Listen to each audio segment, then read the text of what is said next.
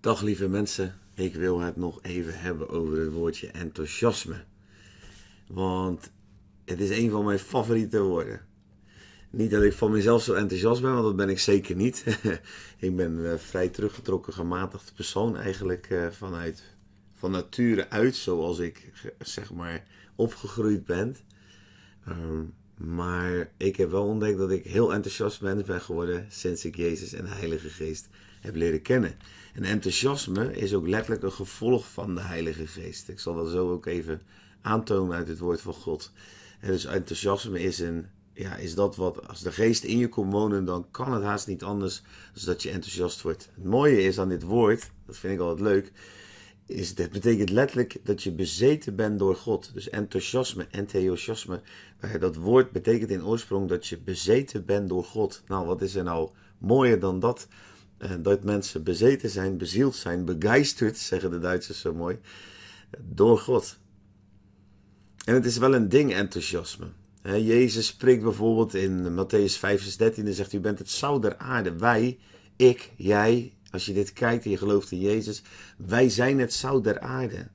En als het zout zijn smaak verloren heeft, waarmee zal het gezouten worden? Het deugt nergens meer voor dan om weggeworpen en door de mensen vertrapt te worden. Als het zout zijn smaak verloren heeft, als dat wat door God bezeten is niet meer enthousiast is, als dat wat, wat enthousiast is, het enthousiasme niet meer laat zien, waar deugt het dan nog voor?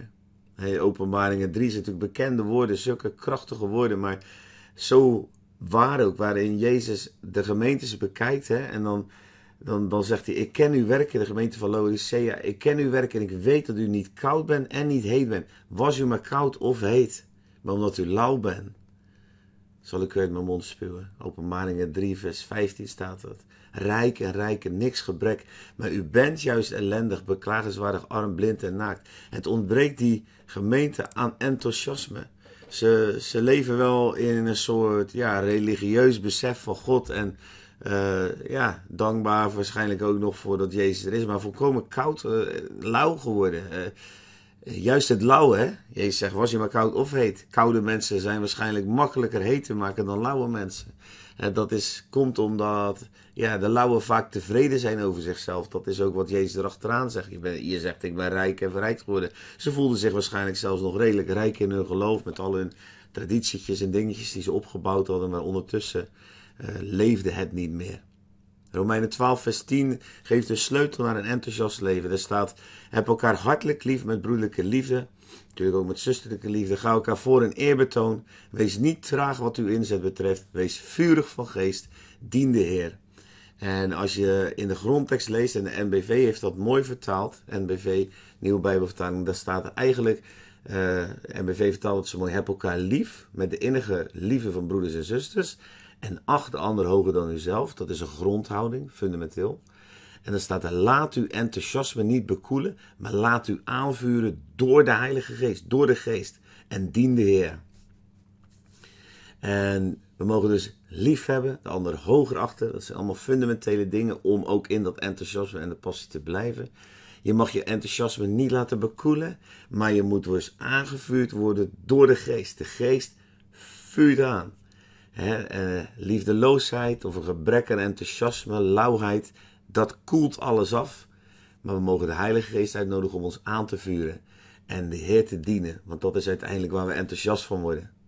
En als je de Heer dient, doe dat uit de juiste motivatie, want dan blijf je ook enthousiast. Dat is wat ik geleerd heb in mijn leven, ook door moeilijke momenten heen.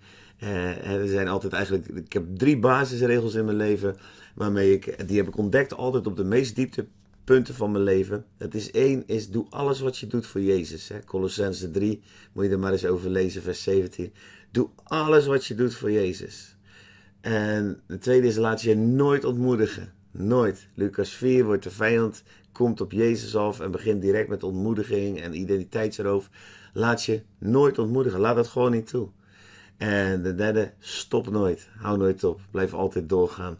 2 Korinthe 11, vers 24 tot 28 is een tekst daarbij die echt op mijn hart ligt. En waar je ook faalt of waar je wordt tegengewerkt, waar je zelf faalt, waar je fouten maakt, als de vijand je lastig maakt, neem gewoon een besluit. Ik ga altijd door. Ik zal nooit stoppen. En dan zal je zien dat de vijand van je wijkt.